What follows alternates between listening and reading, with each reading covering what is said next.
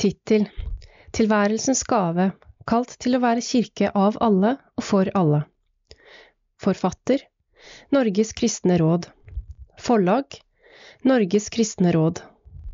Innleser Merete Bø. Denne utgaven er produsert av Kristent arbeid blant blinde og svaksynte i 2018. Introduksjon 1. I 2003 ga Kirkenes verdensråd ut dokumentet En kirke av alle og for alle, utarbeidet av EDAN, Ecumenical Disability Advocates Network. Dokumentet handler om inkludering av mennesker med nedsatt funksjonsevne i kirke og samfunn. Med denne utgivelsen tydeliggjorde Kirkenes verdensråd at de, på linje med en bred global bevegelse, velger et rettighetsbasert innsteg i møte med funksjonshemming. 2.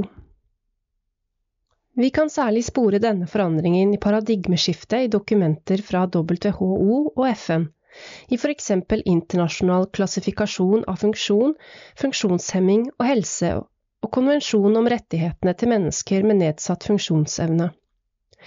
Kjent som den sosiale modellen av funksjonshemming, ser vi et tydeligere skille mellom funksjonsnedsettelse og funksjonshemming. Dette skillet markerer forskjellen mellom ødeleggende fysiske og mentale tilstander på den ene siden og sosiale kulturelle reaksjoner på dette på den andre siden. 3. Historisk sett har funksjonshemming oftest hatt negative konnotasjoner. Mennesker med funksjonsnedsettelser har blitt gjort narr av og vært utsatt for mobbing, og også de som har sluppet slike nedlatende kommentarer, har blitt behandlet som om de ikke evner å leve et fullt menneskelig liv. I det store og hele har de vært stengt ute fra omgang med andre mennesker, selv i kirkene. 4. På dette området ser vi endring, også i kristne fellesskap. Det er ikke lenger slik at nedsatt funksjonsevne omtales som en straff i teologiske tekster og kirkelige dokumenter. Det betyr ikke nødvendigvis at folk ikke lenger tenker slik. Fortsatt tolkes nedsatt funksjonsevne av noen som et tegn på manglende tro på Guds helbredende kraft. Likeså kan nedsatt funksjonsevne av noen forstås som en besettelse av onde ånder som må drives ut. 5. Motsatsen til dette finner vi i en rekke offisielle dokumenter, som de som er nevnt i punkt 2, hvor det slås fast at mennesker med funksjonsnedsettelser har samme verdi og menneskeverd som alle andre. Disse dokumentene er nyttige redskaper for å fremme inkluderende retningslinjer og praksis i både kirke og samfunn mange steder i verden. Med dette følger et skifte i synet på mennesker med nedsatt funksjonsevne, fra å stakkarsliggjøres som noen man skal synes synd på, til å respekteres som medborgere med rettigheter. 6. Kristne fellesskap er en del av dette globale skiftet mot et rettighetsbasert innsteg. Samtidig kan teologisk refleksjon rundt hva det betyr å være kirke, hva som er kirkens vesen og oppdrag i verden, utvide forståelsen av funksjonshemming.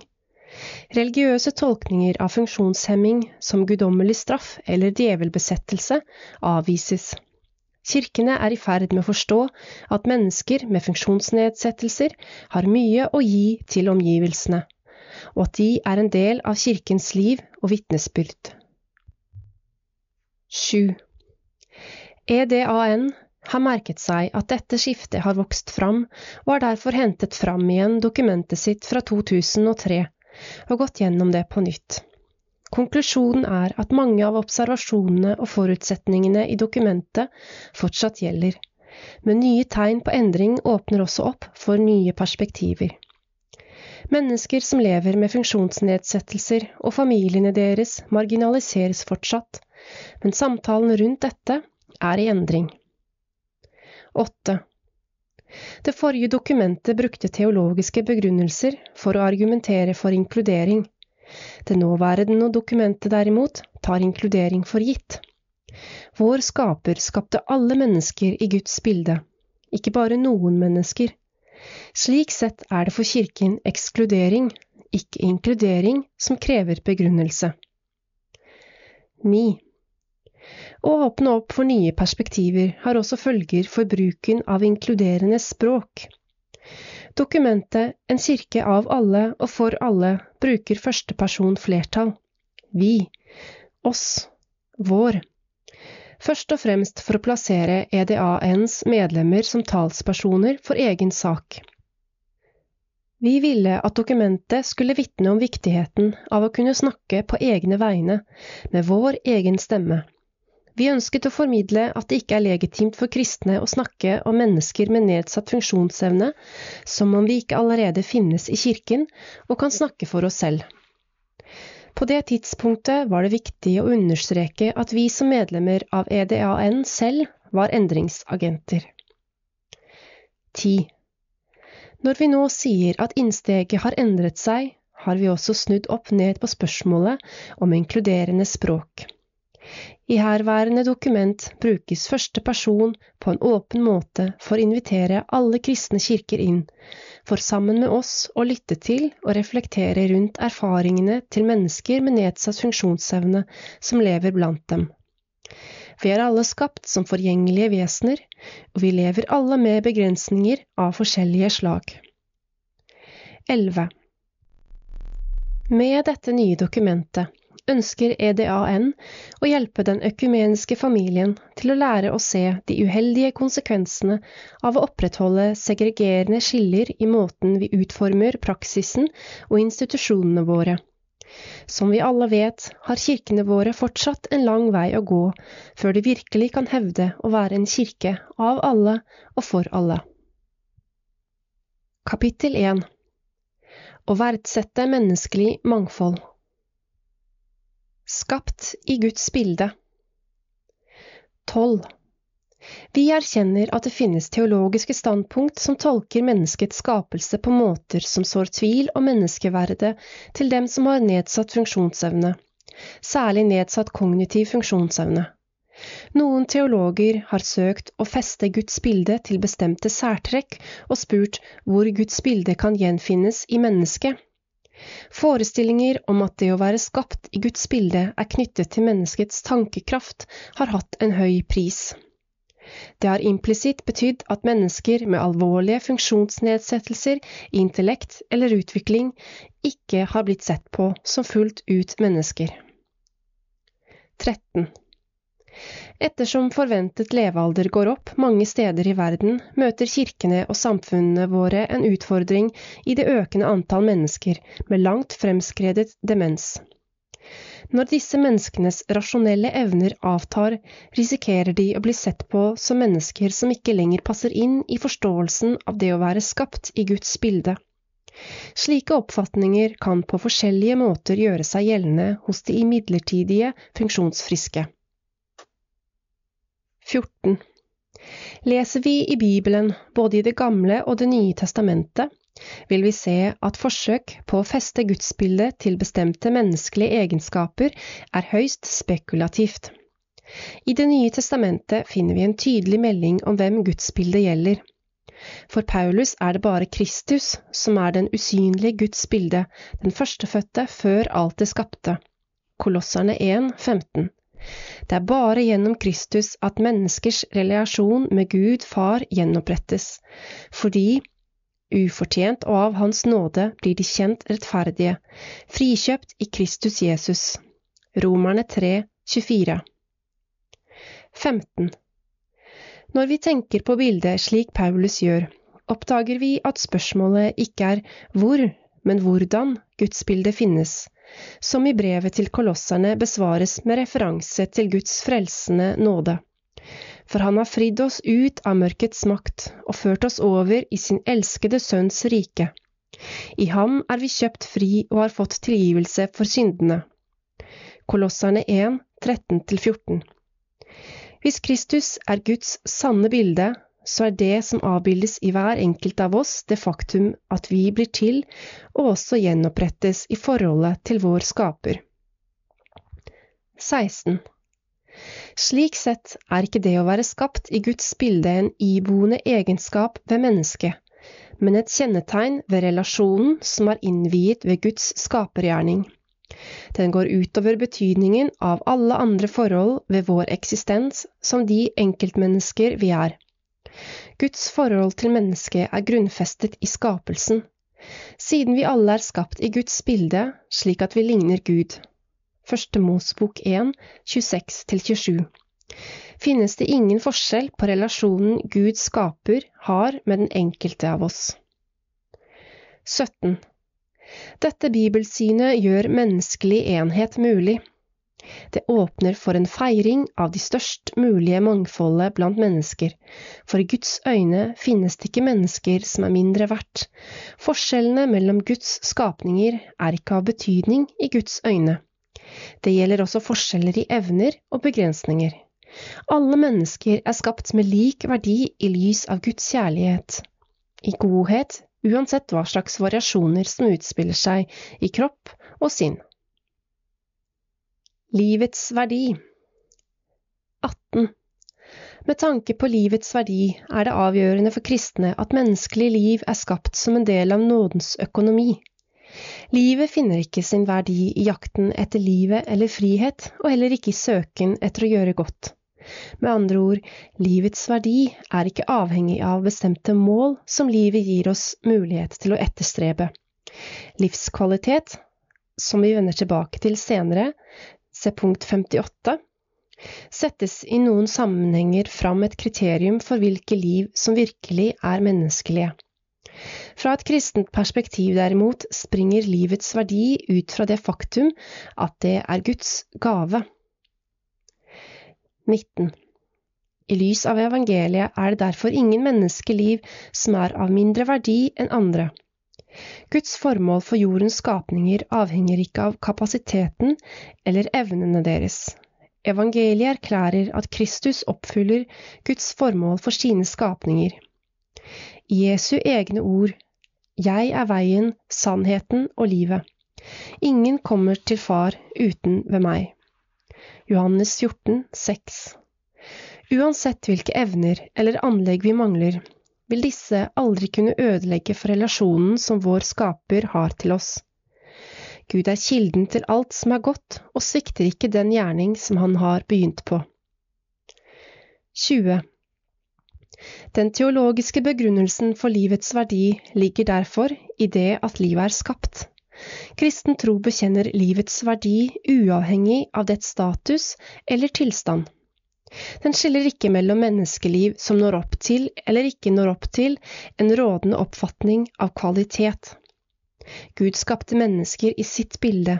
Han skapte ikke bare enkelte mennesker i sitt bilde. Gud skapte heller ikke menneskeheten i forskjellige kategorier. I Gud finnes mangfold, men ikke skiller. 21. Vi konstaterer at det å knytte menneskeverdet til en forståelse av livskvalitet er en ugyldig slutning, teologisk sett. Uansett hvilken tilstand kroppene og sinnene våre befinner seg i, lever vi i nådens økonomi. Gud forlater ikke mennesker når deres menneskelige funksjonsevner svekkes, heller ikke når de praktisk talt er borte. Vi er Guds skapninger og vil alltid være verdifulle i vår skapers øyne. Hvordan vi snakker om funksjonshemminger 22. Menneskelig mangfold består, blant mye annet, av både talenter og begrensninger. Disse tilstandene er en del av hvordan vi er skapt. Å gjenkjenne begrensninger som del av skapelsen har noen viktige følger for hvordan vi som kirke snakker om funksjonshemminger. Det betyr at vi ikke kan snakke ensartet om de funksjonshemmede som om individene som beskrives, er like. 23. Når mennesker med forskjellige funksjonsnedsettelser omtales som de funksjonshemmede, som om de er en ensartet gruppe, respekterer vi ikke forskjeller. Selv når vi forholder oss til mennesker med den samme funksjonsnedsettelsen som om de er en ensartet gruppe, overser vi individuelle forskjeller. Mennesker med funksjonsnedsettelser er like forskjellige fra hverandre som mennesker i resten av samfunnet er. 24. Det er viktig å synliggjøre det samfunnspolitiske perspektivet som er implisitt i ordbruken rundt funksjonshemminger. Denne ordbruken skaper en kategori av mennesker som samfunnet ser på som hjelpetrengende på bakgrunn av en bestemt tilstand. Å anvende bred pensel i omtalen av de funksjonshemmede er en strategi som samfunnet bruker for å kontrollere frykten for de begrensningene som det å leve med funksjonsnedsettelser innebærer. Mennesker som identifiseres som funksjonshemmede, ses på som atskilte fra det vanlige samfunnet, og som mennesker med spesielle behov. For at behovene deres skal tas hånd om, sluses de inn i forskjellige slags spesielle opplegg, slik som egne institusjoner, sykehus og skoler. Denne strategien har satt sine preg på livene til mennesker med nedsatte funksjonsevner siden før slutten av 1800-tallet. 25. Som et resultat av dette har disse menneskene en erfaring til felles som de fleste andre mennesker ikke kjenner til, nemlig erfaringen av å atskilles fra andre mennesker. Slik marginaliseres eksistensen deres på grunn av funksjonsnedsettelsene de lever med. Det er disse omstendighetene som gjør funksjonsnedsettelse til funksjonshemming. Det er derfor ikke overraskende at mennesker med nedsatt funksjonsevne i mange land har organisert seg i sterke talsmannsgrupper som arbeider for like rettigheter for alle. 26.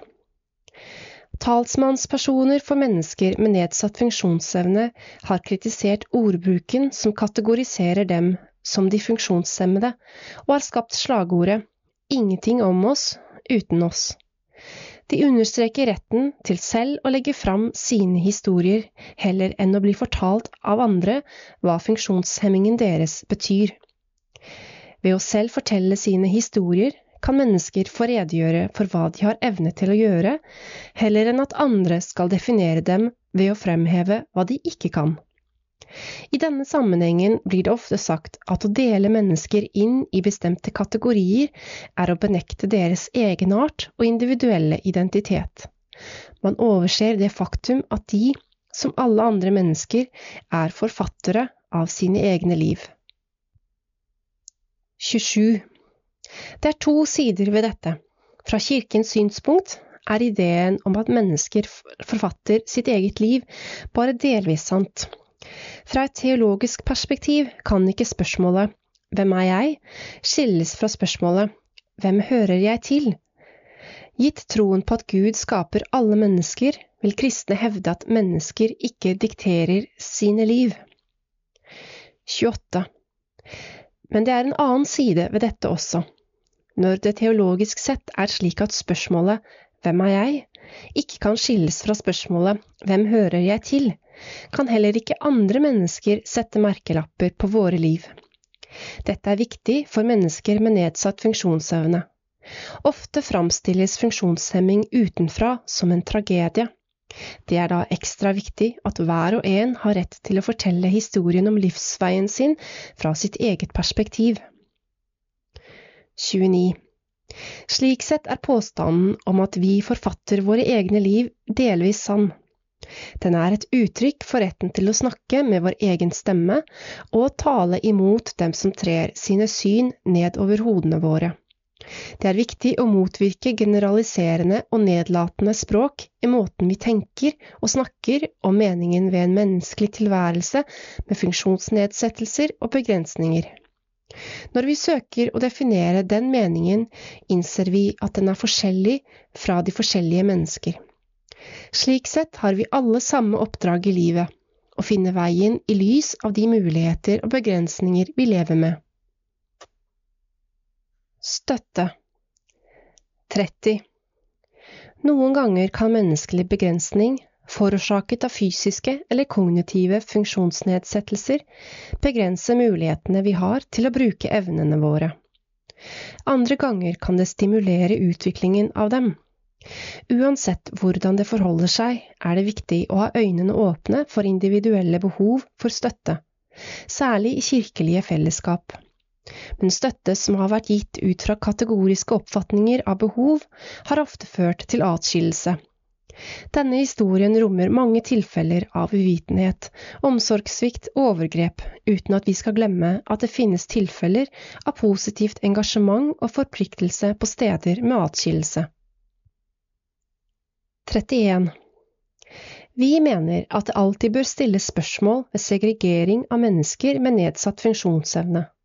Samtidig erkjenner vi at atskilte ordninger kan ha forskjellige funksjoner i forskjellige samfunn, avhengig av sosioøkonomiske og kulturelle forhold.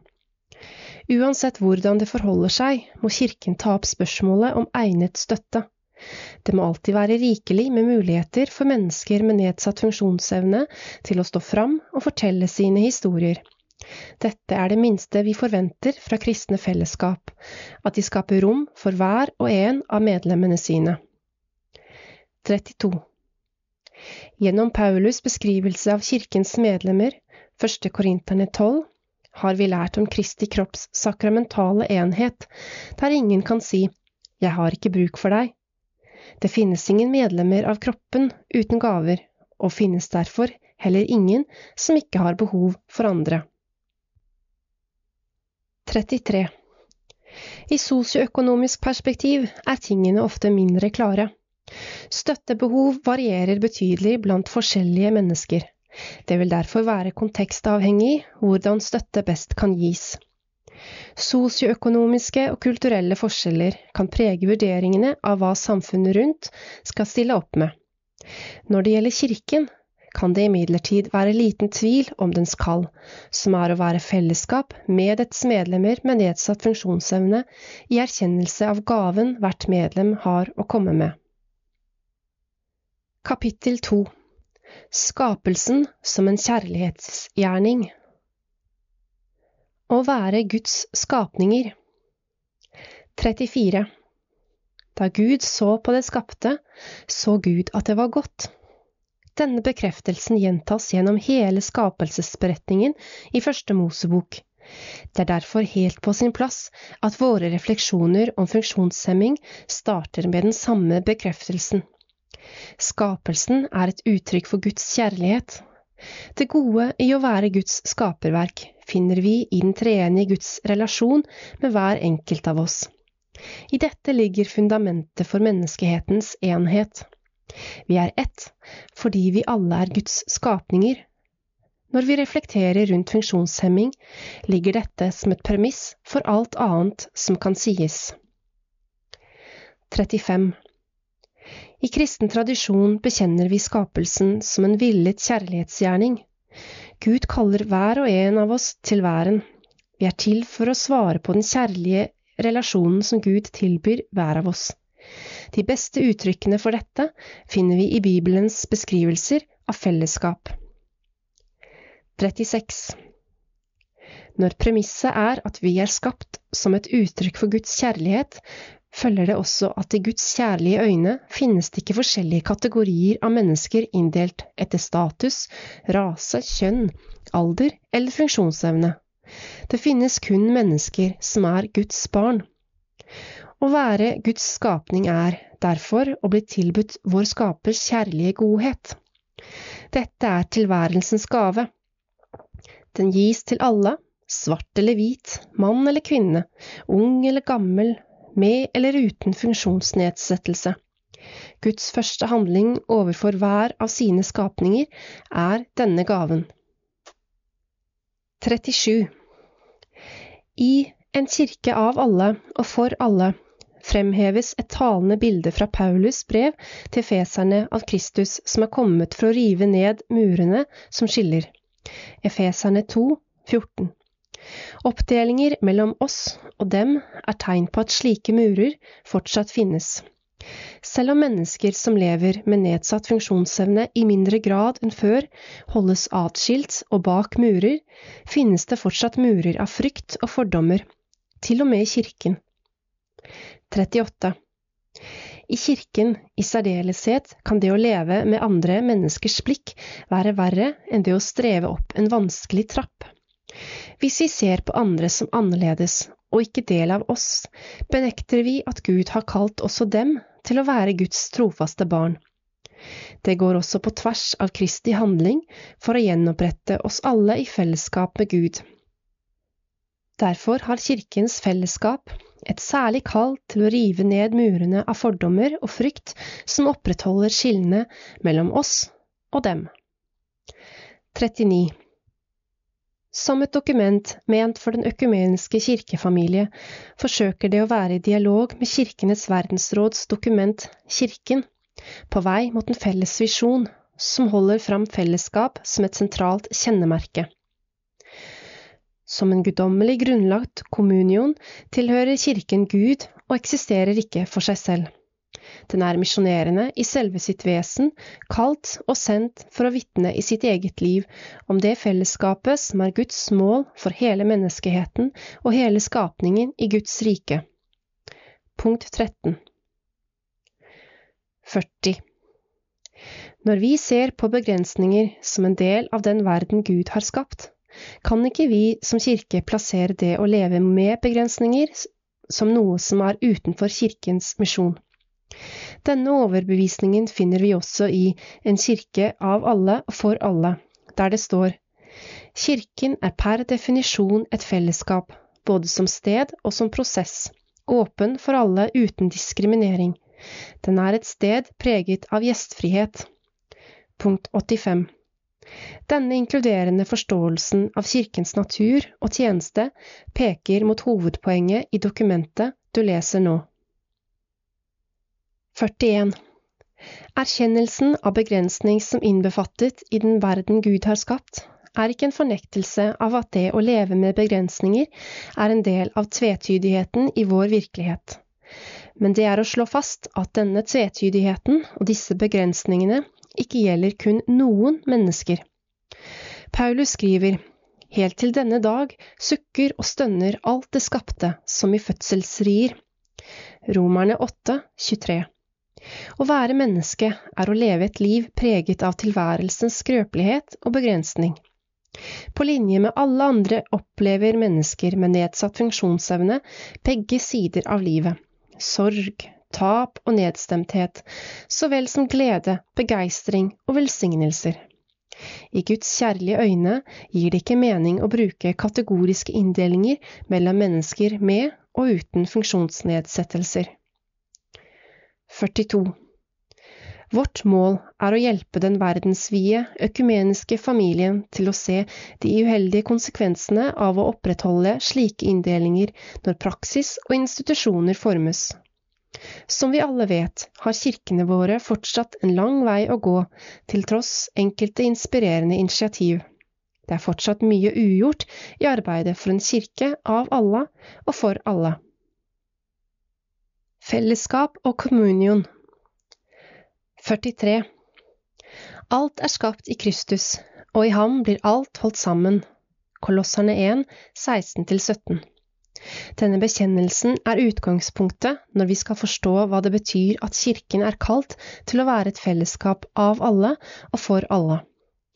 I Kirken, på vei mot en felles visjon, står det kommunionen som har selve den hellige treenighetens liv som sin kilde, er både den gaven som Kirken lever av, og på samme tid den gaven som Gud kaller Kirken til å gi til en såret og splittet menneskehet, i håp om forsoning og helbredelse. Punkt 1 44. Kommunionens gave er en del av Kirkens bekjennelse om at vi er skapt i Kristus. Å være skapt slik betyr ikke bare at vi er villet av Gud for å kunne svare på Hans kjærlighet, men også at Gud oppfyller denne sin vilje gjennom Kristi verk, i tråd med Kirkens bekjennelse. Dette er kjernen i evangeliet som Kirken er tuftet på. 45. Når vi har fått tilværelsens gave, bes vi om å svare på Guds invitasjon, som er å elske Herren din Gud av hele ditt hjerte og av hele din sjel og av all din kraft og av all din forstand. Lukas 10, 27 Ferden vår gjennom livet er å søke å leve i ansvarlig troskap mot dette kallet. På denne ferden får vi ofte motstridende oppgaver, nettopp fordi livet har de begrensninger det har oppgavene med å akseptere og stå imot, oppgavene med å lære og lære bort, oppgavene med å forsone og kjempe. Vi vet at menneskelige fellesskap stadig brister under disse motsetningene, og ofte er resultatet at enkelte mennesker eller grupper utestenges. 46. Kirken vet at Gud er trofast tross menneskers ulydighet. Når mennesker ødelegger fellesskap, kaller Gud Kirken til å gjenopprette fellesskapet ved at Gud gir Den hellige ånd som gave. Vi er glade for at Kirken i sin søken etter å gjenopprette fellesskap har lært at det er mye å hente ved å lytte til marginaliserte stemmer i dens midte. Denne lærdommen gjelder også stemmene til mennesker med nedsatt funksjonsevne, der de finnes i sine respektive kirkelige fellesskap. 47. Når kirkene lærer seg å lytte til disse stemmene, vil de oppdage at disse menneskene har mange gaver å dele blant dem gaver som har vokst fram gjennom erfaringene med det å leve med funksjonsnedsettelser. Det kan være talenter og ferdigheter som er utviklet gjennom utdanning og opplæring, i akademia, næringsliv eller kunst. Andre gaver kan også deles, som når mennesker med sterkt nedsatt intellektuell eller utviklingsmessig funksjonsevne deler gaver som tilknytning og tilstedeværelse til dem rundt seg som tilbyr omsorg og støtte. Som talspersoner for mennesker med nedsatte funksjonsevner framholder vi særlig disse menneskenes tilstedeværelse som en gave til Kirken, en gave som går til kjernen av Kirkens liv og fellesskap. Kristi kropp 48. Guds gaver til Kirken er gitt til hver enkelt av dens medlemmer, uavhengig av om noen medlemmer ses på som mindre viktig i andres øyne. Vi har allerede vist til bildet av kirken som Kristi kropp fra første Korinterbrev 12. Like som kroppen består kirken av mange medlemmer, og alle har med seg forskjellige bidrag til helheten. Noen deler ses på som sterkere, andre ses på som svakere. 49. Paulus skriver om hvordan noen deler av kroppen, de som synes de er mest verdt, skammer seg over og vil skjule andre deler av kroppen. 1. Korinterne 12, 23. Men Gud har gjort det slik at nettopp disse delene av Kristi kropp er helt nødvendige. Derfor skal de æres og respekteres og få anerkjennelse for sine avgjørende bidrag. 12.25 50. Når Gud har ordnet Kristi kropp slik, er det viktig å forstå at første korinterbrev ikke er en moralsk framtidsvisjon eller et slags ideal for kirken, som det slås fast i kirken på vei mot en felles visjon. Kristne tror og bekjenner i trosbekjennelsen at det er en uløselig forbindelse mellom Guds verk i Jesus Kristus ved Den hellige ånd og kirkens realitet. Punkt 3. Å forkynne Kirken som Kristi kropp er derfor ikke en moralsk visjon, men en bekjennelse av hva vi har tatt imot. 51. Denne inkluderende forståelsen av Kristi kropp som en virkeliggjøring av Guds gave, rotfestet i fellesskapet mellom medlemmene og Gud, er også en befaling til kristne om å stå sammen med de undertrykte og utstøtte. Den verden som Gud elsket så høyt, bærer sårene fra problemer og ulykker, som roper etter kristnes medlidende deltakelse. Kilden til deres sterke engasjement for verdens forvandling ligger i deres fellesskap med Gud i Jesus Kristus. De tror at Gud, som er fullkommen i kjærlighet, barmhjertighet og rettferdighet, kan virke gjennom dem i Den hellige ånds kraft. Kirken på vei mot en felles visjon, punkt 64. Som Jesu Kristi disipler må derfor kristne utfordre politiske myndigheter når deres forslag ikke ivaretar menneskeverdet. 52. I lys av dette kallet bekjenner kristne sin tilkortkommenhet og sine feil, og ber om den tilgivelsen som loves i evangeliet. Det er en bekjennelse av at vi ofte ikke tar inn over oss hva det innebærer å være et tilgitt folk. Det er dessuten en bekjennelse av at vi i kirkelige fellesskap fortsatt bygger eller opprettholder murer og stengsler som ekskluderer andre medlemmer fra Kristi kropp. 53. Som et tilgitt folk behøver vi ikke murer som skiller oss, for det finnes ingen forskjeller mellom mennesker som vi trenger å frykte. For å lære å leve som et tilgitt folk, og med takk ta imot det menneskelige mangfoldets gave, trenger vi Guds fellesskap, Den hellige treenighets sakramentale gave. 54. Denne sakramentale gaven er Kristi kropp, gitt for hver og en av oss. I nattverdliturgien inviteres vi til å løfte våre hjerter til Herren og lovprise Ham. Der vi kommer til kort i å være inkluderende fellesskap av Kristi kropp, minner nattverden, kommunionens sakrament, oss om hva vi har fått til.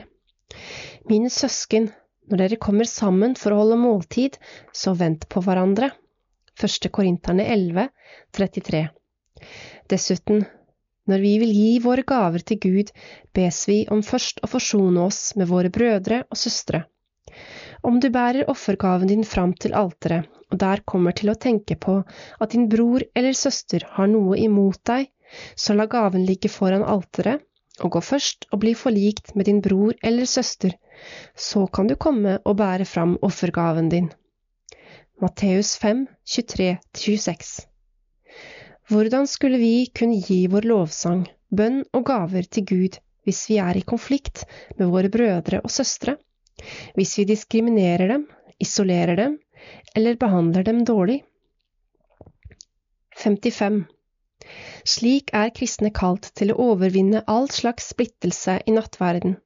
Kirkenes verdensråd reflekterer rundt dette i dåp, nattverd og embete. Kristne er kalt i nattverden til å leve i solidaritet med de utstøtte og til å være tegn på Kristi kjærlighet, Han som levde og døde for alle og som nå gir seg selv i nattverden. Dette er gudsfellesskapets gave, som Kirken lever ved. 56. Hvis ikke Kirken inkluderer alle medlemmer slik Gud ville det, speiler ikke Kirken Kristi kropp. Kristne som fratar andre mennesker gaver som Gud ville dele i skapelsen, har misforstått hva som er til Guds ære. Når Kirken derimot gir rom for erfaringen til dem som lever med funksjonsnedsettelser, styrkes den i oppfyllelsen av sitt kall. Å motarbeide alle former for utestenging og diskriminering blant Guds folk er en del av den enheten Kirken søker, og som Jesus ber for, for at verden skal tro. Johannes 17, 21 Kapittel 3 Livets gave. Fått i gave. 57 Vi bekrefter at det at vi er skapt er et uttrykk for Guds kjærlighet, noe som igjen betyr at selve tilværelsen er en gave. Kristne bekjenner at livet kommer fra Gud, og at Gud har gitt oss livet. Når temaet er funksjonsevner, kan det å snakke om gaver være både et viktig og et problematisk uttrykk. Er en medfødt funksjonsnedsettelse en gave? Noen mennesker som lever med funksjonsnedsettelser, vil si at det er det. Andre vil si at det ikke er det. 58. Å se på funksjonsnedsettelser som en del av tilværelsens gave er ofte forbundet med en opplevelse av personlig identitet. Det at jeg er blind, er ikke en tilstand jeg har. Jeg er blind, og det er del av hvem jeg er. Noe lignende kan sies om for eksempel Downs syndrom. En kan ikke skille personen fra syndromet, for uten det ville den personen ikke eksistere som den hun eller han er. De ville miste sin identitet. 59. Andre er imidlertid ikke helt enige i dette. Selv om jeg fullt ut godtar at cerebral parese er en del av meg, ser jeg ikke på den som en gave. Noen ting som er viktige for meg, som å kunne snakke godt, er vanskelige på grunn av funksjonsnedsettelsen jeg lever med. 60. Kanskje kan det være nyttig å forsøke å utvide spørsmålet.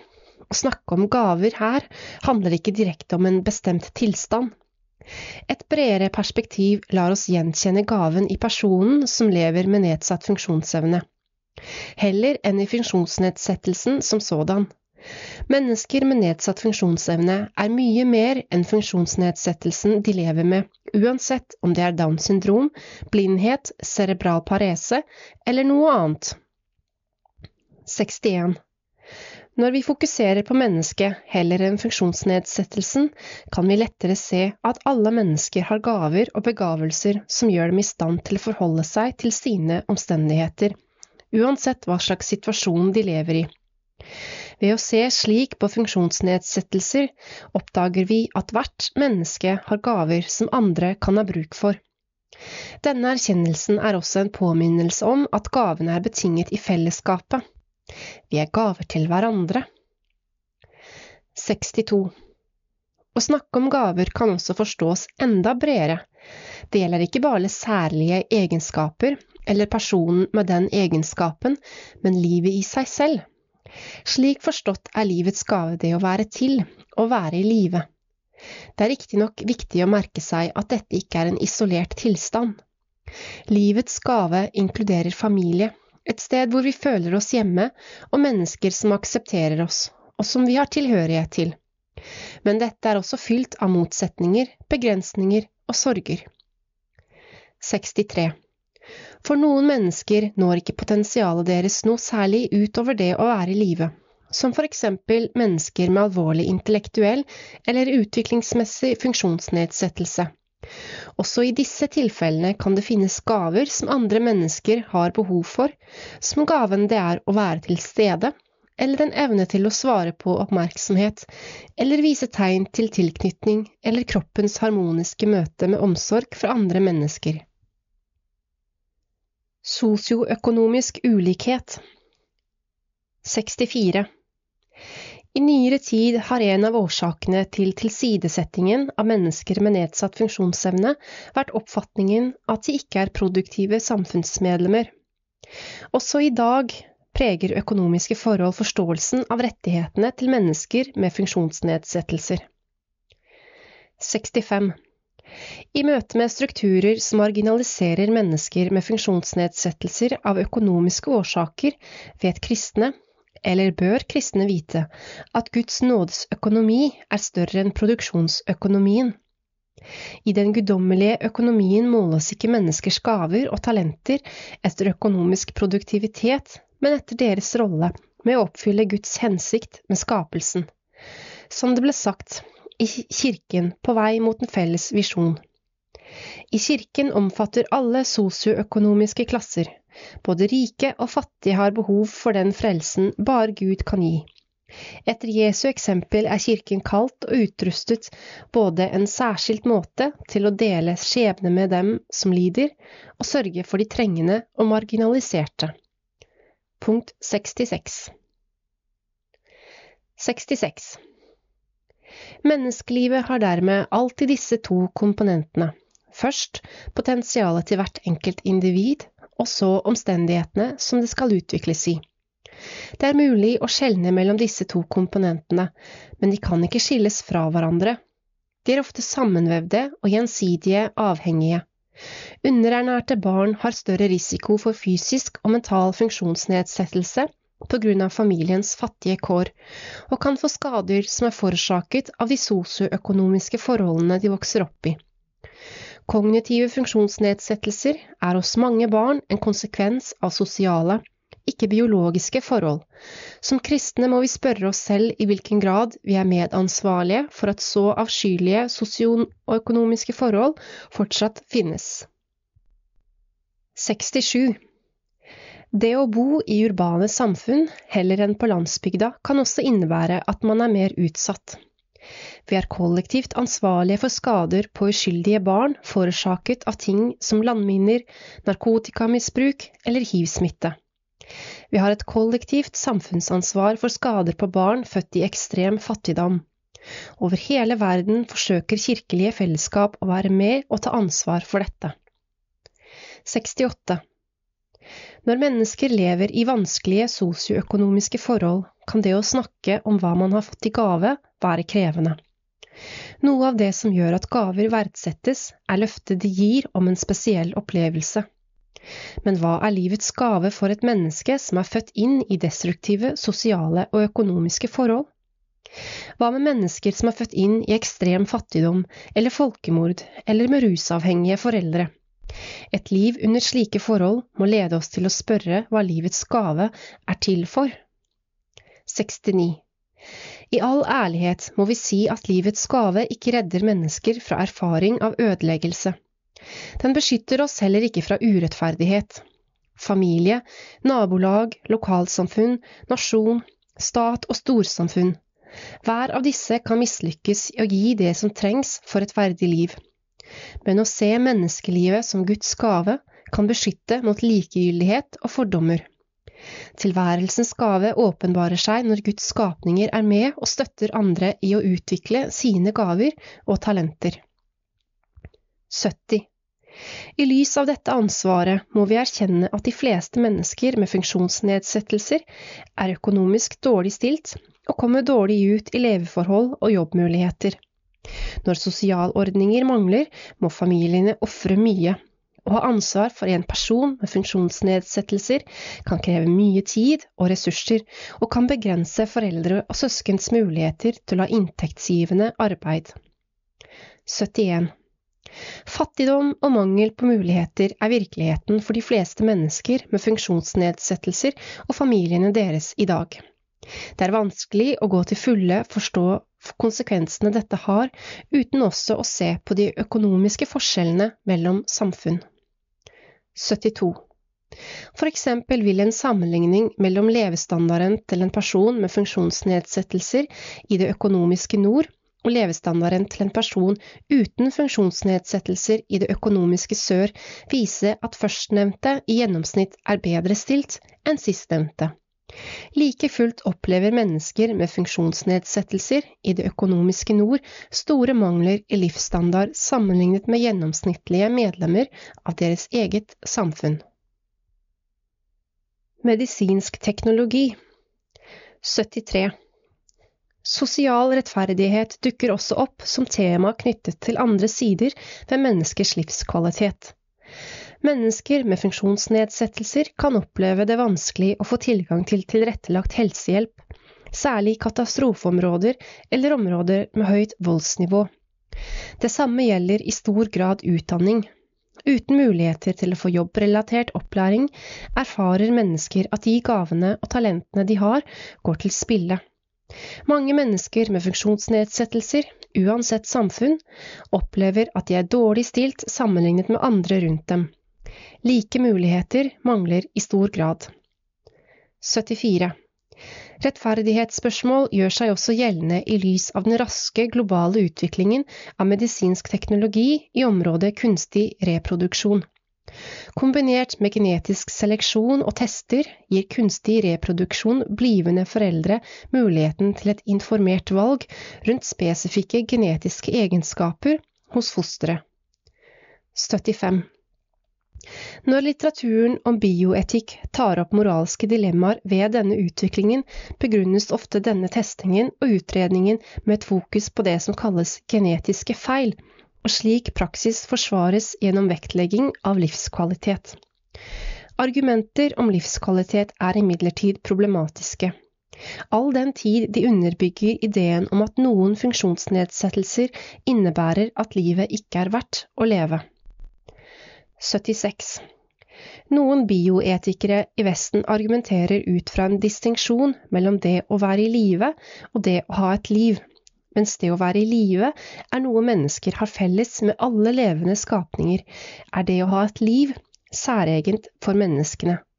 Det å ha et liv forstås da som tett bundet til evnen til forstand og vilje, som lar dem som har disse evnene, sette seg mål, lage planer, revurdere dem endre dem, forfølge dem, osv. 77. Ut fra en slik distinksjon vil man da påstå at verdien av et menneskelig liv avhenger av tilstanden av å ha et liv, fordi det er det som gir mennesker sin identitet. Det er evnen til å forfølge sine mål, som er uttrykk for hva man setter pris på her i livet, som gir verdi til livet. Livets verdi er, med andre ord, avhengig av evnen til å sette pris på livet sitt. 78. Konsekvensene av en slik argumentasjon er at det å være i live i seg selv ikke tillegges noen verdi. Livet er verdifullt for mennesker ut fra hva de evner å gjøre med det. Derfor vil disse bioetikerne si at vi må gå bort fra tanken om livets hellighet, fordi den innebærer en verdsetning av livet ut fra det å være i live. 79. Kristne motargumenter mot et slikt bioetisk standpunkt forstår noen ganger tanken om livets hellighet som at livet i seg selv er hellig. Imidlertid glemmer de da ofte å skjelne mellom det skapte og skaperen. Verdien av menneskelivet er utledet. Den utgår fra det faktum at livet er Guds gave til menneskeheten. Det er derfor læren om livets hellighet er så tral i kristen teologi. 80. Kirken bekjenner at alt er blitt skapt i Kristus, og i ham blir alt holdt sammen. Kolosserne 1, 16. Meningen med livene våre ligger da i Guds handling. Derfor forkynner Kirkens tro det gode i det å være til. Vi vektlegger menneskelivet som Guds gave i skapelsen. Derfor stiller vi oss spørrende til et bioetisk standpunkt som begrunner livets verdi i tanken eller kroppens evner. Vår overbevisning er heller at kvaliteten av våre menneskelige liv er ugjenkallelig grunnfestet i Guds kjærlighet. Hvis vi ikke vitner om det gode i det å være til, mister troen vår grunnlaget for i det hele tatt å kunne snakke om håp. 81. Hvis vi så erstatter ideen om livskvalitet med ideen om livets hellighet, kan det få store konsekvenser. Det bioetiske standpunktet, som er forklart i tidligere avsnitt, er et produkt av en kulturell kontekst preget av fri markedsøkonomi, hvor det går an å produsere designbabyer. I en slik kontekst kan abortraten være skremmende høy, slik den for tiden er for ufødte barn diagnostisert med Downs syndrom. 82. Det implisitte budskapet i denne utviklingen i kunstig reproduksjon er at funksjonssvake liv ikke er ønsket og bør forhindres fra å bli til. Når denne utviklingen forsvares som reproduktiv frihet, er det fare for at den overser effekten et slikt budskap har på mennesker med funksjonsnedsettelser og familiene deres. 83. I lys av disse trendene må Kirken ta på seg rollen som forsvarer for mennesker med nedsatt funksjonsevne og deres plass og framtid i samfunnet. Menneskelig reproduksjon er invadert av en kommersialisert forståelse av foretrukne barn i et markedsøkonomisk perspektiv, som i praksis er en tendens til arvehygiene nedenfra og opp. Genetikken som kilde til splittelse og konflikt tas sjelden opp. Vi oppfordrer Kirkenes verdensråd til å ta ansvar på dette feltet, og minner om det som ble sagt i Kirken på vei mot en felles visjon. Kirken forkynner evangeliets ord om håp og trøst, og er virksom med medlidenhet og barmhjertighet. Se Lukas 4, 18–19. Den er utsendt for helbrede og forsone brutte menneskelige relasjoner og tjene Gud i forsoningens tjeneste blant den som er splittet av hat og fremmedgjøring. Se 2. Korinterne 5, 18–21. Punkt 66 Kapittel 4 Sårbarhet, begrensning og helbredelse Å akseptere den menneskelige tilstanden 84 Tendensene vi ser i reproduktiv teknologi, er en del av et større bilde i dagens samfunn. Et øyensynlig ubehag i møte med sårbarhet, begrensning og tap som en ugjendrivelig del av det å være menneske. Det kan forklare frykten for å leve med en funksjonsnedsettelse. I den offentlige samtalen er mennesker som lever med funksjonsnedsettelser, en påminnelse om sårbarhet, noe samfunnet håndterer ved å snakke om slike personer som mennesker med spesielle behov. 85. De institusjonelle ordningene som er skapt for å støtte mennesker med spesielle behov, forsterker den gjengse oppfatningen av sårbarhet som en kategorisk egenskap forbeholdt en bestemt gruppe mennesker. Det er det ikke. Sårbarhet er en del av den menneskelige tilstanden. Mennesker er sårbare i seg selv. Når sårbarhet knyttes kun til mennesker med funksjonsnedsettelser, skapes et falskt inntrykk av at mennesker uten funksjonsnedsettelser er sterke og klarer seg selv. 86. Bevegelsen for rettighetene til mennesker med funksjonsnedsettelser har ofte tatt til motmæle mot den misforståelsen at funksjonsevne er en stabil tilstand for alle. Å leve uten funksjonsnedsettelse er bare midlertidig. De fleste av oss, om ikke alle, vil oppleve funksjonsnedsettelser en eller annen gang i livet. Derfor er det også i alles interesse å inkludere mennesker med funksjonshemminger i samfunnet på grunnlag av likhet.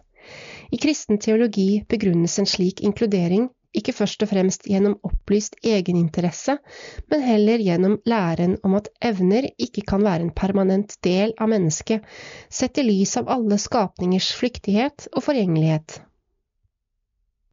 Begrensning 87. Det er ikke dermed sagt at sårbarhet er et ikke-tema for mennesker med funksjonsnedsettelser. Mennesker prøver ofte å skjule sårbarheten sin, både for seg selv og andre. Skader og sår gjør vondt, og det har ikke noe for seg å late som noe annet. Det er heller ikke riktig å romantisere sårene mennesker bærer med seg. Vi har allerede nevnt alt det skapte som stønner, slik det står i Romerne 8. Se punkt 42. Menneskets eksistens er preget av det strevet som følger av det å være forgjengelig. Løftet om en ny skapelse er ennå ikke oppfylt. Dette løftets ennå ikke anskueliggjøres i det faktum at vi som mennesker fortsatt strever, blir syke og dør. 88. Disse refleksjonene bringer oss tilbake til spørsmålet om begrensning. Vi kan ikke snakke om tilværelsens gave uten å også ta opp den begrensningen som ligger i tilværelsen som Guds skapninger. Når vi snakker om tilværelsens gave, må vi også erkjenne menneskehetens lidelse og klage. Dette viser oss hvorfor begrensning er grunnlaget for vårt behov for hverandre og vårt behov for Gud. Det berører ikke kun enkelte individer, men angår oss alle som Guds folk i en sønderbrutt verden. 89. Det er dette det står om i Bibelen, om skatten, livet fra Gud, som vi har i leirkar, 2. Korinterne 4, 7. For kirken er det helt avgjørende at disse aspektene holdes sammen, som det ble sagt i En kirke av alle og for alle. I holdningene og handlingene våre mot hverandre må det bærende prinsippet alltid være overbevisningene om at vi er ufullstendige, helheten mangler, uten gavene og talentene til alle mennesker. Vi er ikke et helt fellesskap uten hverandre. Å skape gehør for og inkludere mennesker med funksjonsnedsettelser er ikke noe kristne kirker kan velge å gjøre, skulle de ønske det. Det er et definerende karaktertrekk ved kirken. Punkt 87. 90. Når vi anerkjenner våre begrensninger som del av vår tilværelse som Guds skapninger, aksepterer vi også uforutsigbarhet som en del av våre erfaring. Vi lever med risikoen for alle slags farlige hendelser som kan inntreffe forgjengelige skapninger. Dette gjelder like mye mennesker som midlertidig lever uten funksjonsnedsettelser, som det gjelder mennesker som lever med funksjonsnedsettelser. 91. Samtidig er det slik at mennesker som lever med nedsatt funksjonsevne og familiene deres, ofte har mer erfaring med livets uforutsigbarhet enn det andre mennesker har. De vet hva det vil si å få livet snudd opp ned av det uventede. I en kirke av og for alle beskrives det slik. Vi har befunnet oss på grensen mellom det som er kjent og det som fortsatt er ukjent, hvor vi bare kunne lytte og vente. Vi har sett frykt og død i øynene og kjenner vår egen sårbarhet. Vi har møtt Gud i det tomme mørket, der hvor vi innså at vi ikke har kontroll. Der hvor vi lærte å stole på Guds nærhet og omsorg. Vi har lært å gi og ta imot med glede, og glede oss over øyeblikket. Vi har lært å bevege oss i nytt terreng. Vi har lært oss nye og uvante måter å innrette livet på. Vi har lært å være fleksible og kreative og bruke oppfinnsomheten vår for å løse ferske problemer. Punkt 54 92. Mange mennesker med nedsatt funksjonsevne kjenner denne tvetydigheten på kroppen og har bygget opp en egen motstandsdyktighet. Men slike seire vinnes ikke lett. Møtet med funksjonsnedsettelser kan være veldig smertefullt, ikke nødvendigvis fysisk, men mentalt, særlig i de tidlige stadiene. Det skurrer mot menneskers forventninger, eller forventningene til familiene deres, uansett hvilken form den har. Vil funksjonsnedsettelse alltid bety at noen muligheter er ugjenkallelig forbi? 93. I lys av disse erfaringene fastholder vi at hvert menneske som lever med nedsatt funksjonsevne, kan finne fred i å søke Gud. På den ene eller andre måten har alle kjempet med Gud intellektuelt eller fysisk for å finne en slik fred. Noen har gaven til å skrive om dette, mens andre viser denne freden gjennom en iboende nådegave til å vise kjærlighet og godhet mot dem som er rundt dem. Mennesker uten tilsynelatende intellektuelle evner kan også finne fred i Gud. Når det er slik, kan Kirken sannelig finne måter å ta imot de gavene disse menneskene har å gi. Gud elsker hver og en og gir alle mulighet til å svare på den kjærligheten. 94. Her blir vi minnet om historien om Jakob som kjemper med Gud. Første Mosbok 32, 24–26. I kampene sine med Gud kan mennesker med funksjonsnedsettelser stille de samme spørsmålene. Hvorfor meg? Er det en mening med situasjonen min? Disse spørsmålene gjenspeiler også at det å ha en funksjonshemming ses på som en tragedie, selv om mange mennesker med nedsatt funksjonsevne lever gode liv, ikke så ulikt andres liv. Det kan ta tid å oppdage og erkjenne at funksjonsnedsettelse ikke nødvendigvis er en tragedie. 95. Mennesker har forskjellige kulturelle bakgrunner og forskjellige prosesser for å akseptere funksjonsnedsettelsen sin. Noen har hatt funksjonsnedsettelser siden de ble født, enten genetisk eller gjennom komplikasjoner ved fødselen, mens andre har vært utsatt for ulykker, eller de har mistet funksjonsevner i løpet av livet. Tap av håp og forventninger overvinnes ved å lære å finne et nytt selv. Dette kan være en smertefull kamp med en framtid som føles ukjent og skremmende. I det øyeblikket en opplever å miste funksjonsevner, erfaringen av tragedie er reell idet man erkjenner at funksjonsnedsettelsen er uunngåelig. En erkjennelse som kommer forut for at en finner måter å leve videre med erfaringen på. 96. Kirker må ta denne erfaringen på alvor og være nær mennesker i deres klage over å rammes av livets uforutsigbarhet. Sorgprosessen kan være overveldende, kanskje særlig i tilfeller hvor mennesker pådrar seg funksjonsnedsettelser som gjennom hjerneskader etter ulykker. I slike tilfeller er livet slik man kjente det, borte, og framtiden er skremmende usikker. Andre kan også kjenne på slike erfaringer, som for eksempel foreldre til barn som utvikler fysiske eller mentale funksjonsnedsettelser. Å sørge over det som er tapt, tar tid. Desto større er behovet for tålmodige, tilstedeværende venner. Mange mennesker forteller at de har blitt skuffet over menighetsfellesskapene sine i slike perioder. Sårbarhet 97. Det første å si om sårbarhet er at Gud gjennom Jesus Kristus ble menneske. Dette kommer til uttrykk i begrepet inkarnasjon.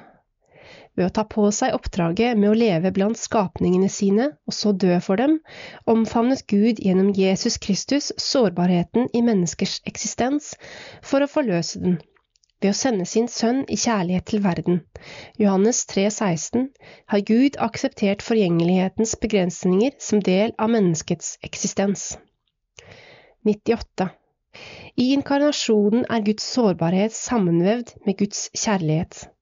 Når Gud aksepterer og helbreder oss fra våre selvpåførte lidelser, gjøres det gjennom Guds kjærlighet, hvor Gud blir sårbar for muligheten for å bli sveket. Derav uttrykket at vi helbredes ved Guds sår. Jesaja 53, 5. 99. Gud er kjærlighet. 1. Johannes 4, 8. Det betyr at Gud utsetter seg for sårbarhet. Mange steder i Bibelen, særlig i profetbøkene, hører vi om Gud som sørger eller blir sint over å bli avvist. Jeg vil straffe henne for de dagene da hun tente offerild for balgudene, pyntet seg med ringer og smykker og gikk etter sine elskere, men glemte meg. Hosea 2, 13. 100. Sammenhengen mellom Guds kjærlighet og Guds sårbarhet finner vi også igjen hos oss mennesker. En del av det å elske er å gjøre oss sårbare overfor den andre. Når vi gir oss selv i kjærlighet, ønsker vi å elskes tilbake. Men vi kan ikke pålegge et annet menneske å elske, noe som betyr at når vi elsker, risikerer vi alltid å bli oversett eller avvist. Å elske er en fri handling, derfor er det ingen garanti for å bli elsket tilbake. 101. Slik er sårbarhet i kjernen av Guds verden. Dette vitner også Paulus om i brevet til korinterne, der han skriver om sin egen funksjonsnedsettelse.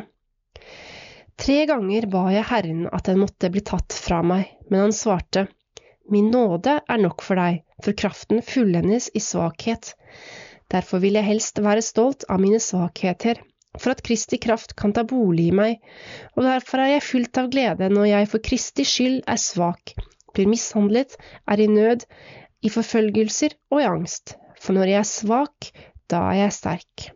Andre Korinterne 12, 8–10 102 Når vi alle lever med sårbarhet, er ikke den som lever med funksjonsnedsettelser, et unntak i en ellers uhildet tilværelse.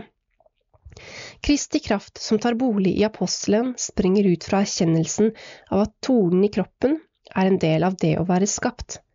Vi finner igjen det samme budskapet i Paulus' salme i brevet til filipperne, hvor han skriver om Kristus at han var Guds skikkelse, og så det ikke som et rov å være Gud lik, men ga avkall på sitt eget, tok på seg tjenerskikkelse og ble menneskelik.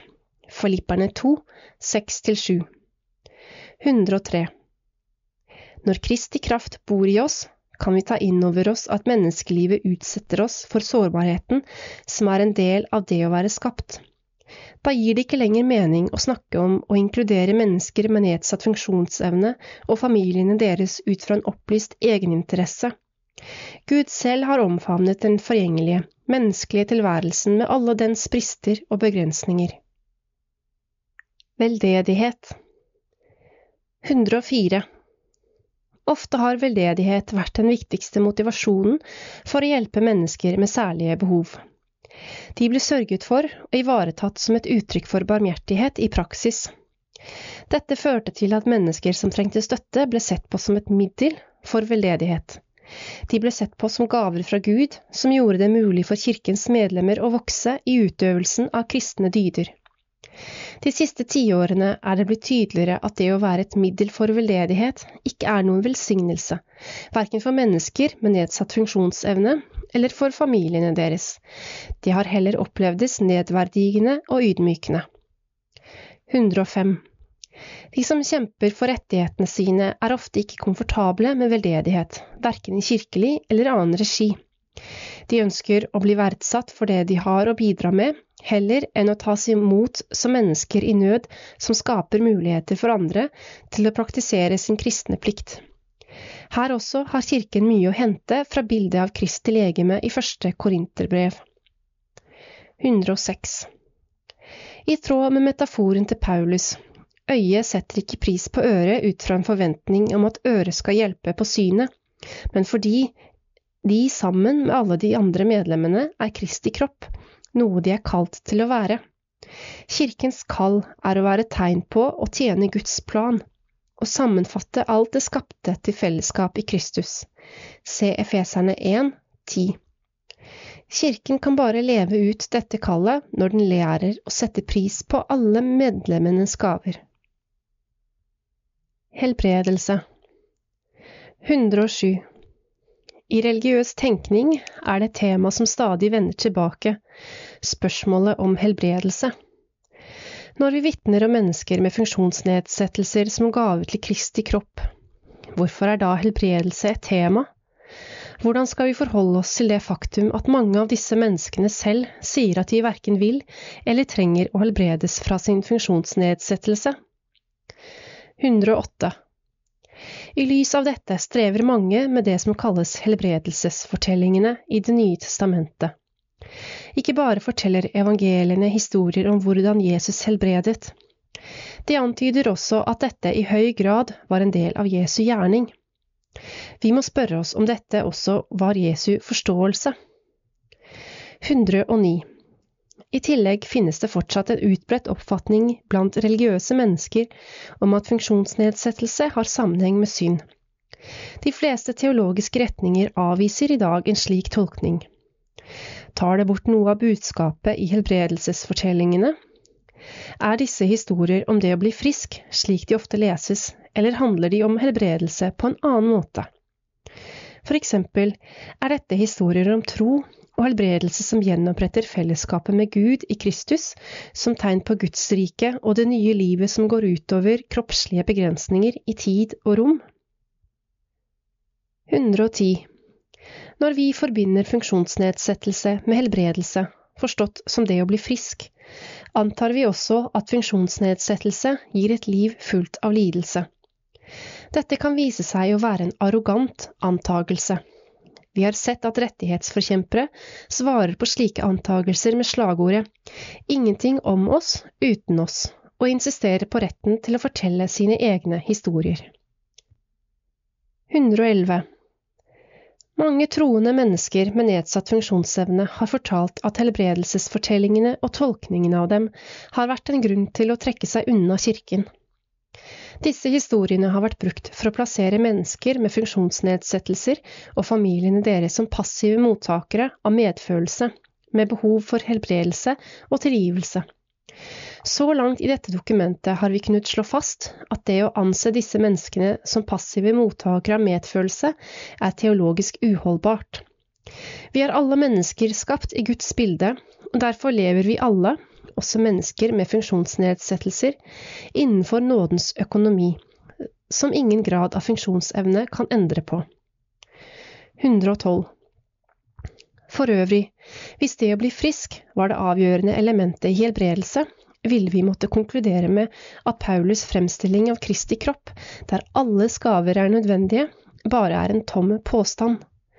Tar vi inn dette perspektivet, forstår vi bedre behovet for helbredelse som et spørsmål om gjenopprettelse av fellesskap med Gud. Helbredelse viser til sår som er forvoldt gjennom ekskludering av mennesker ved å sende dem vekk. Ifølge Paulus bilde er helbredelse nødvendig når foraktede medlemmer har blitt fjernet fra Kristi kropp. 113.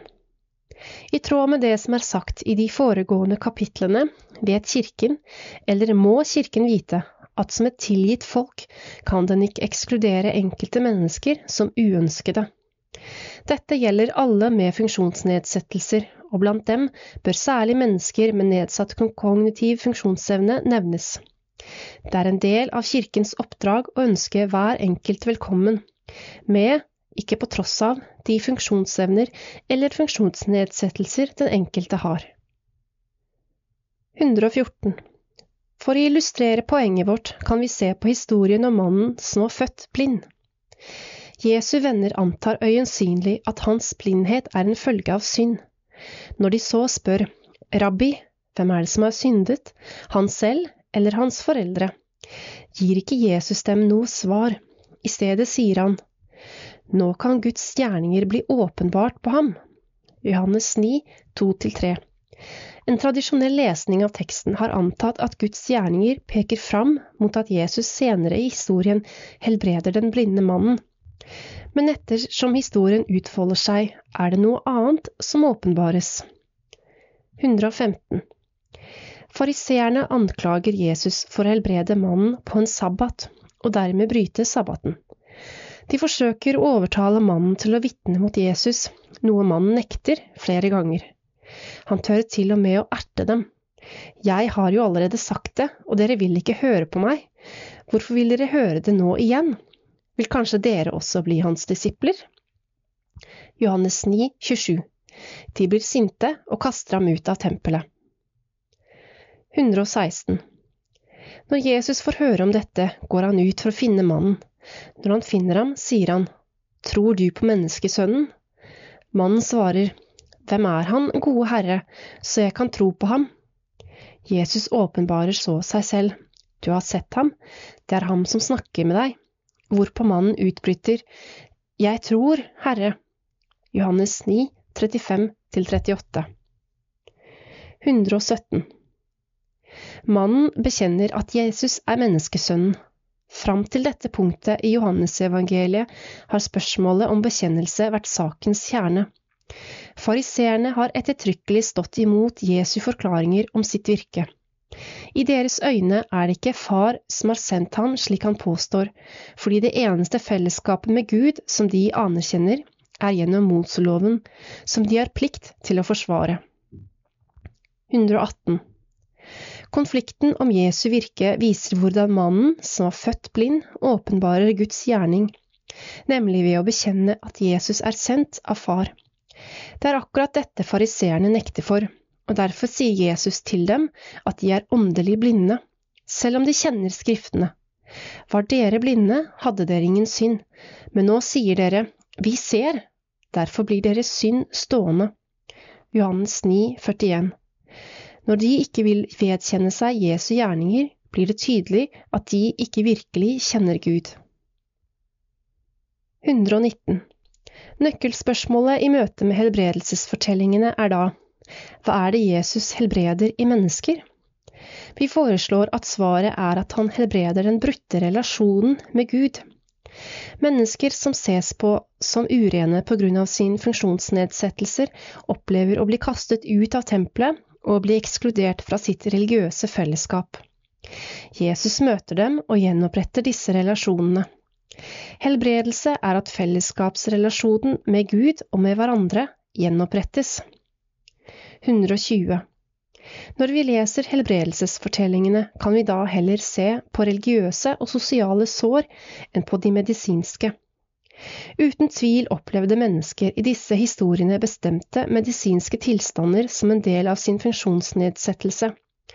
Det endrer likevel ikke det faktum at helbredelsesfortellingene først og fremst handler om gjenopprettelse av relasjoner, først med Gud og så med fellesskapet. Dette ser vi eksempel i historien om den spedalske mannen som ber Jesus om å gjøre ham ren. Markus 1, 40-45 og historien om Jesu møte med en lam mann. Markus 2, 1-12. 121. Evangelienes fortellinger om helbredelse gir oss en tolkningsnøkkel for å tenke om igjen om funksjonshemming, slik det tradisjonelt har blitt forstått i religiøse samfunn i og utenfor kristendommen. Ved å lese dem som rapporter om hvordan mennesker ble friske, har mange trosfellesskap gjort helbredelse til et smertefullt og frustrerende tema for mennesker som lever med funksjonsnedsettelser. Det har ikke slått leserne at disse funksjonshemmede personene aller mest trengte helbredelse fra fremmedgjøringen fra Gud og fra sine felles troende, mer enn fra funksjonsnedsettelsen. Kapittel 5 kalt til å være kirke, av alle og for alle. Godt nytt 122 Evangeliets gode nyheter er at Jesus fornyer oss som Guds skapninger i fellesskap med Gud. Uansett hvilke grunner mennesker har hatt for å ekskludere andre fra denne relasjonen, i eller utenfor kirken, er de grunnene nå ute av spill. Evangeliet utfordrer de troende til ikke å vise bort dem som Gud allerede har akseptert i fellesskapet. 123. Jesus beskriver ofte skapelsens fornyelse, uttrykt i evangeliet som en omvendt logikk av verdens logikk. Et eksempel er når Jesus sammenligner Guds rike med et festmåltid for de fattige. Jesus har kanskje i tankene et skriftsted i Jesaja hvor profeten erklærer på dette fjellet skal Herren over hærskarene gjøre i stand for alle folk et festmåltid med fete retter, et festmåltid med gammel vin. Jesaja 25, 6. I Matteus' gjengivelse har kongens fornemme gjester det for travelt til å takke ja til invitasjonen. Kongen utsetter ikke festmåltidet. I stedet inviterer han folk inn fra gatene, de mest marginaliserte i samfunnet. Matteus 22. Jesus snakker ikke om at Guds rike i en fjern framtid. I stedet sier han Guds rike er nær. Det rekkes til oss alle som en virkelighet her og nå. Se punkt 73 i En kirke av alle og for alle. 124. I dokumentet Sammen på vei mot livet står det Kirken er en gave fra Gud til verden for at den kan forvandles på veien mot Guds rike. Kirkens misjon er å gi nytt liv og kunngjøre Guds kjærlige nærvær i vår verden. Vi må delta i Guds misjon i enhet og overvinne splittelsene og stridighetene oss imellom, slik at verden kan tro og alle kan være ett. Johannes 17, 21. Kirken som fellesskap av Kristi disipler må bli et inkluderende fellesskap. Kirken finnes for å bringe forsoning til verden og gjøre den hel. Hvordan kan Kirken fornye seg, slik at den blir misjonal og samlet beveger seg mot livet i all dets fylde? Punkt 10. Vi spør hvilket håpsbudskap vi kan finne her for mennesker som lever med nedsatt funksjonsevne, og for familiene deres. Hva kan vi vente oss fra Kirken som er kalt til å være Guds rike på jord? 125. Altså er alle som vil, invitert til gjestebudet, til Kirken, og det inkluderer mennesker som til tider opplever å bli sett på som en skam for fellesskapet. Sammen med de fattige, hjemløse, syke, fengslede og de som strever med avhengighet, finner vi mennesker med funksjonsnedsettelser. De er lemmer på Kristi kropp, men i kirkene våre blir de noen ganger omtalt som mennesker som trenger forbønn. Liturgi. 126 Bønn kan være godt ment, men den har likevel et implisitt budskap om at enkeltes rolle er å be for andre, mens andres rolle er å bli bedt for. Det er ikke slik vi forstår tilstedeværelsen til mennesker med nedsatt funksjonsevne i våre kirkelige fellesskap. De er ikke kun passive mattakere av andres forbønn. I stedet håper de på og forventer et kirkefellesskap hvor kategorien funksjonshemmet ikke lenger gir mening. Denne forventningen angår kirkens forkynnelse, hvordan liturgien feires, og hvordan evangeliet søkes levd i praksis. 127. Det mest synlige uttrykket for Kirken som fellesskap finner vi når Kirken samles i tilbedelse og takk for påskemysteriet. Nattverdsfeiringen betinger forsoning og villighet til å dele mellom alle Guds barn. Den utfordrer til søken etter riktige relasjoner i sosialt, økonomisk og politisk virke. Den peker utover fellesskapet i kirken, ut til hele skaperverket. Vi leser i Kirkenes verdensråds dokument Dåp, nattverd og embete. All slags urettferdighet, rasisme, atskillelse og frihetsberøvelse utfordres radikalt når vi har del i Kristi legeme og blod. Gjennom nattverden gjennomtrenges og fornyes hele menneskets personlighet og verdighet. Vi viser oss derfor som selvmotsigende deltakere i nattverdfeiringen hvis vi ikke aktivt deltar i den fortsatte forbedringen av verdenssituasjonen og av enkeltmenneskers kår. Punkt 20 128 i feiringen av fellesskapet med Gud og med hverandre løfter nattverden fram visjonen om skapelsens fornyelse, som nattverden er en forsmak av. I feiringen av fellesskapet er verden representert i vår takk til Gud for tegn på denne fornyelsen alle steder der hvor mennesker arbeider for rettferdighet, kjærlighet og fred. Dåp, nattverd og embete, punkt 22. 129. Her er det særlig viktig å ha i tankene mennesker med nedsatt kognitiv funksjonsevne.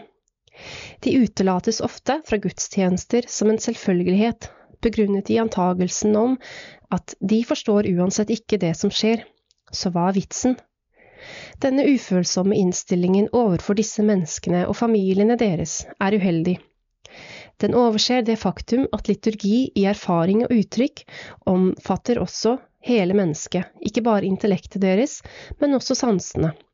Gjennom musikk og sang, liturgiske bevegelser som å knele og bøye seg, og også kunst og bruk av røkelse. Alle disse hentyder til kroppens deltakelse i liturgien. Mennesker med nedsatt kognitiv funksjonsevne er ikke likegyldige overfor disse uttrykkene. De lar seg bevege av integriteten i den liturgien som de inviteres til å delta i. De oppfatter det ekte og oppriktige engasjementet fra dem rundt seg og svarer på deres hengivenhet. Misjon 130. I dokumentet Sammen på vei mot livet har Kirkenes verdensråd sagt at dets oppdrag er å søke hele skapelsens frigjøring og forsoning, ledet av Den hellige ånd. Kirkens misjon er å forberede gjestebudet og invitere alle mennesker til livets gjestebud. Gjestebud er en feiring av skaperverket og fruktbarheten som strømmer fra Guds kjærlighet, kilde til liv i overflod. Det er et tegn på frigjøringen og forsoningen av hele skaperverket, som er misjonens mål. Punkt 101. Vi ber Kirken om å invitere inn mennesker som lever med funksjonsnedsettelser, og familiene deres til å delta i denne misjonen. Ekte støtte kommer fra bekreftelsen av at hvert menneske er et Guds barn, med eller uten funksjonsnedsettelser. Ekte støtte for mennesker som lever med funksjonsnedsettelser, fokuserer da ikke på behovene deres, men ønsker heller ikke alles bidrag velkommen, noe som gjør Kirken i stand til å være Kristi kropp. Slik kan behovene til alle Guds skapninger imøtekommes. 132. Dette dokumentet forkynner et kall til Kirken om å være kirke av alle og for alle. En kirke hvor bidragene fra mennesker som lever med funksjonsnedsettelser, settes pris på, hvor de respekteres for den de er, og finner støtte i fellesskapet. Vi ber Kirken anerkjenne og praktisere alle menneskers likeverd og verdighet, i tråd med oppdraget om å leve ut evangeliet og vitne om dets budskap i alt den gjør. Etterord Da Ecumenical Disability Advocates Network EDAN, utarbeidet sitt første dokument, En kirke av alle og for alle, ledet de an i kampen mot undertrykkelse og segregering av mennesker med nedsatt funksjonsevne i kirke og samfunn. Da dokumentet ble utgitt i 2003, anerkjente Kirkenes verdensråd, KV, bidraget fra EDAN til nettopp den kampen. I årene som har gått siden det, har EDAN sett at en kirke av alle og for alle har vært nyttig for mange av KVs medlemskirker, og at mange teologiske høyskoler og utdanningssteder har brukt den i undervisningen. Mennesker med funksjonsnedsettelser har vokst i sin rolle som forandringsagenter, også i det økumeniske fellesskapet. EDANs stilling har sånn sett endret seg, vi ber ikke lenger om anerkjennelse fra vår plass i utkanten av KV. Selv om mange mennesker som lever med funksjonsnedsettelser og familiene deres fortsatt strever for å bli inkludert og akseptert i kirkelige fellesskap, og den kampen fortsetter, finnes det lovende tegn på at inkludering og deltakelse for alle i større grad bekreftes som en del av Guds gave. Det var disse betraktningene som ledet til arbeidet med en oppdatering av det første dokumentet. Vår første konsultasjon om spørsmålet fant sted i mai 2013 i Nonsbet, Nederland. Vi noterte oss at tankesett var i endring, og konkluderte med at det ville være bedre å skrive et nytt dokument og velge en vinkling hvor virkeligheten i den funksjonshemmede erfaringen tolkes ut fra et skapelsesperspektiv. Derfor er tanken om det at mennesket er skapt, så sentral i våre teologiske refleksjoner. Ved å velge en ny vinkling mener vi ikke å fornekte gyldigheten til de mange observasjonene og antagelsene beskrevet i det forrige dokumentet. Vi vet at marginalisering og ekskludering langt fra er overvunnet, men vi vil anerkjenne at endringer er på gang. Da vi kom tilbake til Nunspet i oktober 2014 for en ny konsultasjonsrunde, oppdaget vi at vi delte ideen om skapelsen som sentrum for våre teologiske refleksjoner om funksjonsnedsettelse og funksjonshemming. Dette dokumentet er adressert til den økumeniske kirkefamilien og deres fellesskap. Vi håper at dette nye dokumentet på nytt kan opplyse trosfellesskap, lederne der teologistudenter og lærerne deres, og inspirere dem til å fortsette arbeidet for inkluderende kirkelige fellesskap. Mye gjenstår i så måte. Vårt største håp er å være del av en kirke med fellesskap som vet hvordan vi kan ta imot den gaven det er å være Kristi kropp, og feire det store mangfoldet av gaver blant alle kirkens medlemmer.